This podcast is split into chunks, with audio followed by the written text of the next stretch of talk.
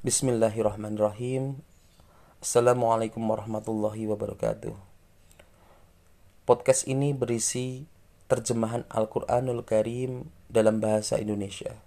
Semoga semakin membuat kita lebih mengenal Al-Quran dan membuat Al-Quran bisa bersama kita dalam kehidupan kita sehari-hari. Semoga Allah merahmati kita. Semoga ini nanti menjadi kebaikan dan pahala bagi kita semuanya. Assalamualaikum warahmatullahi wabarakatuh.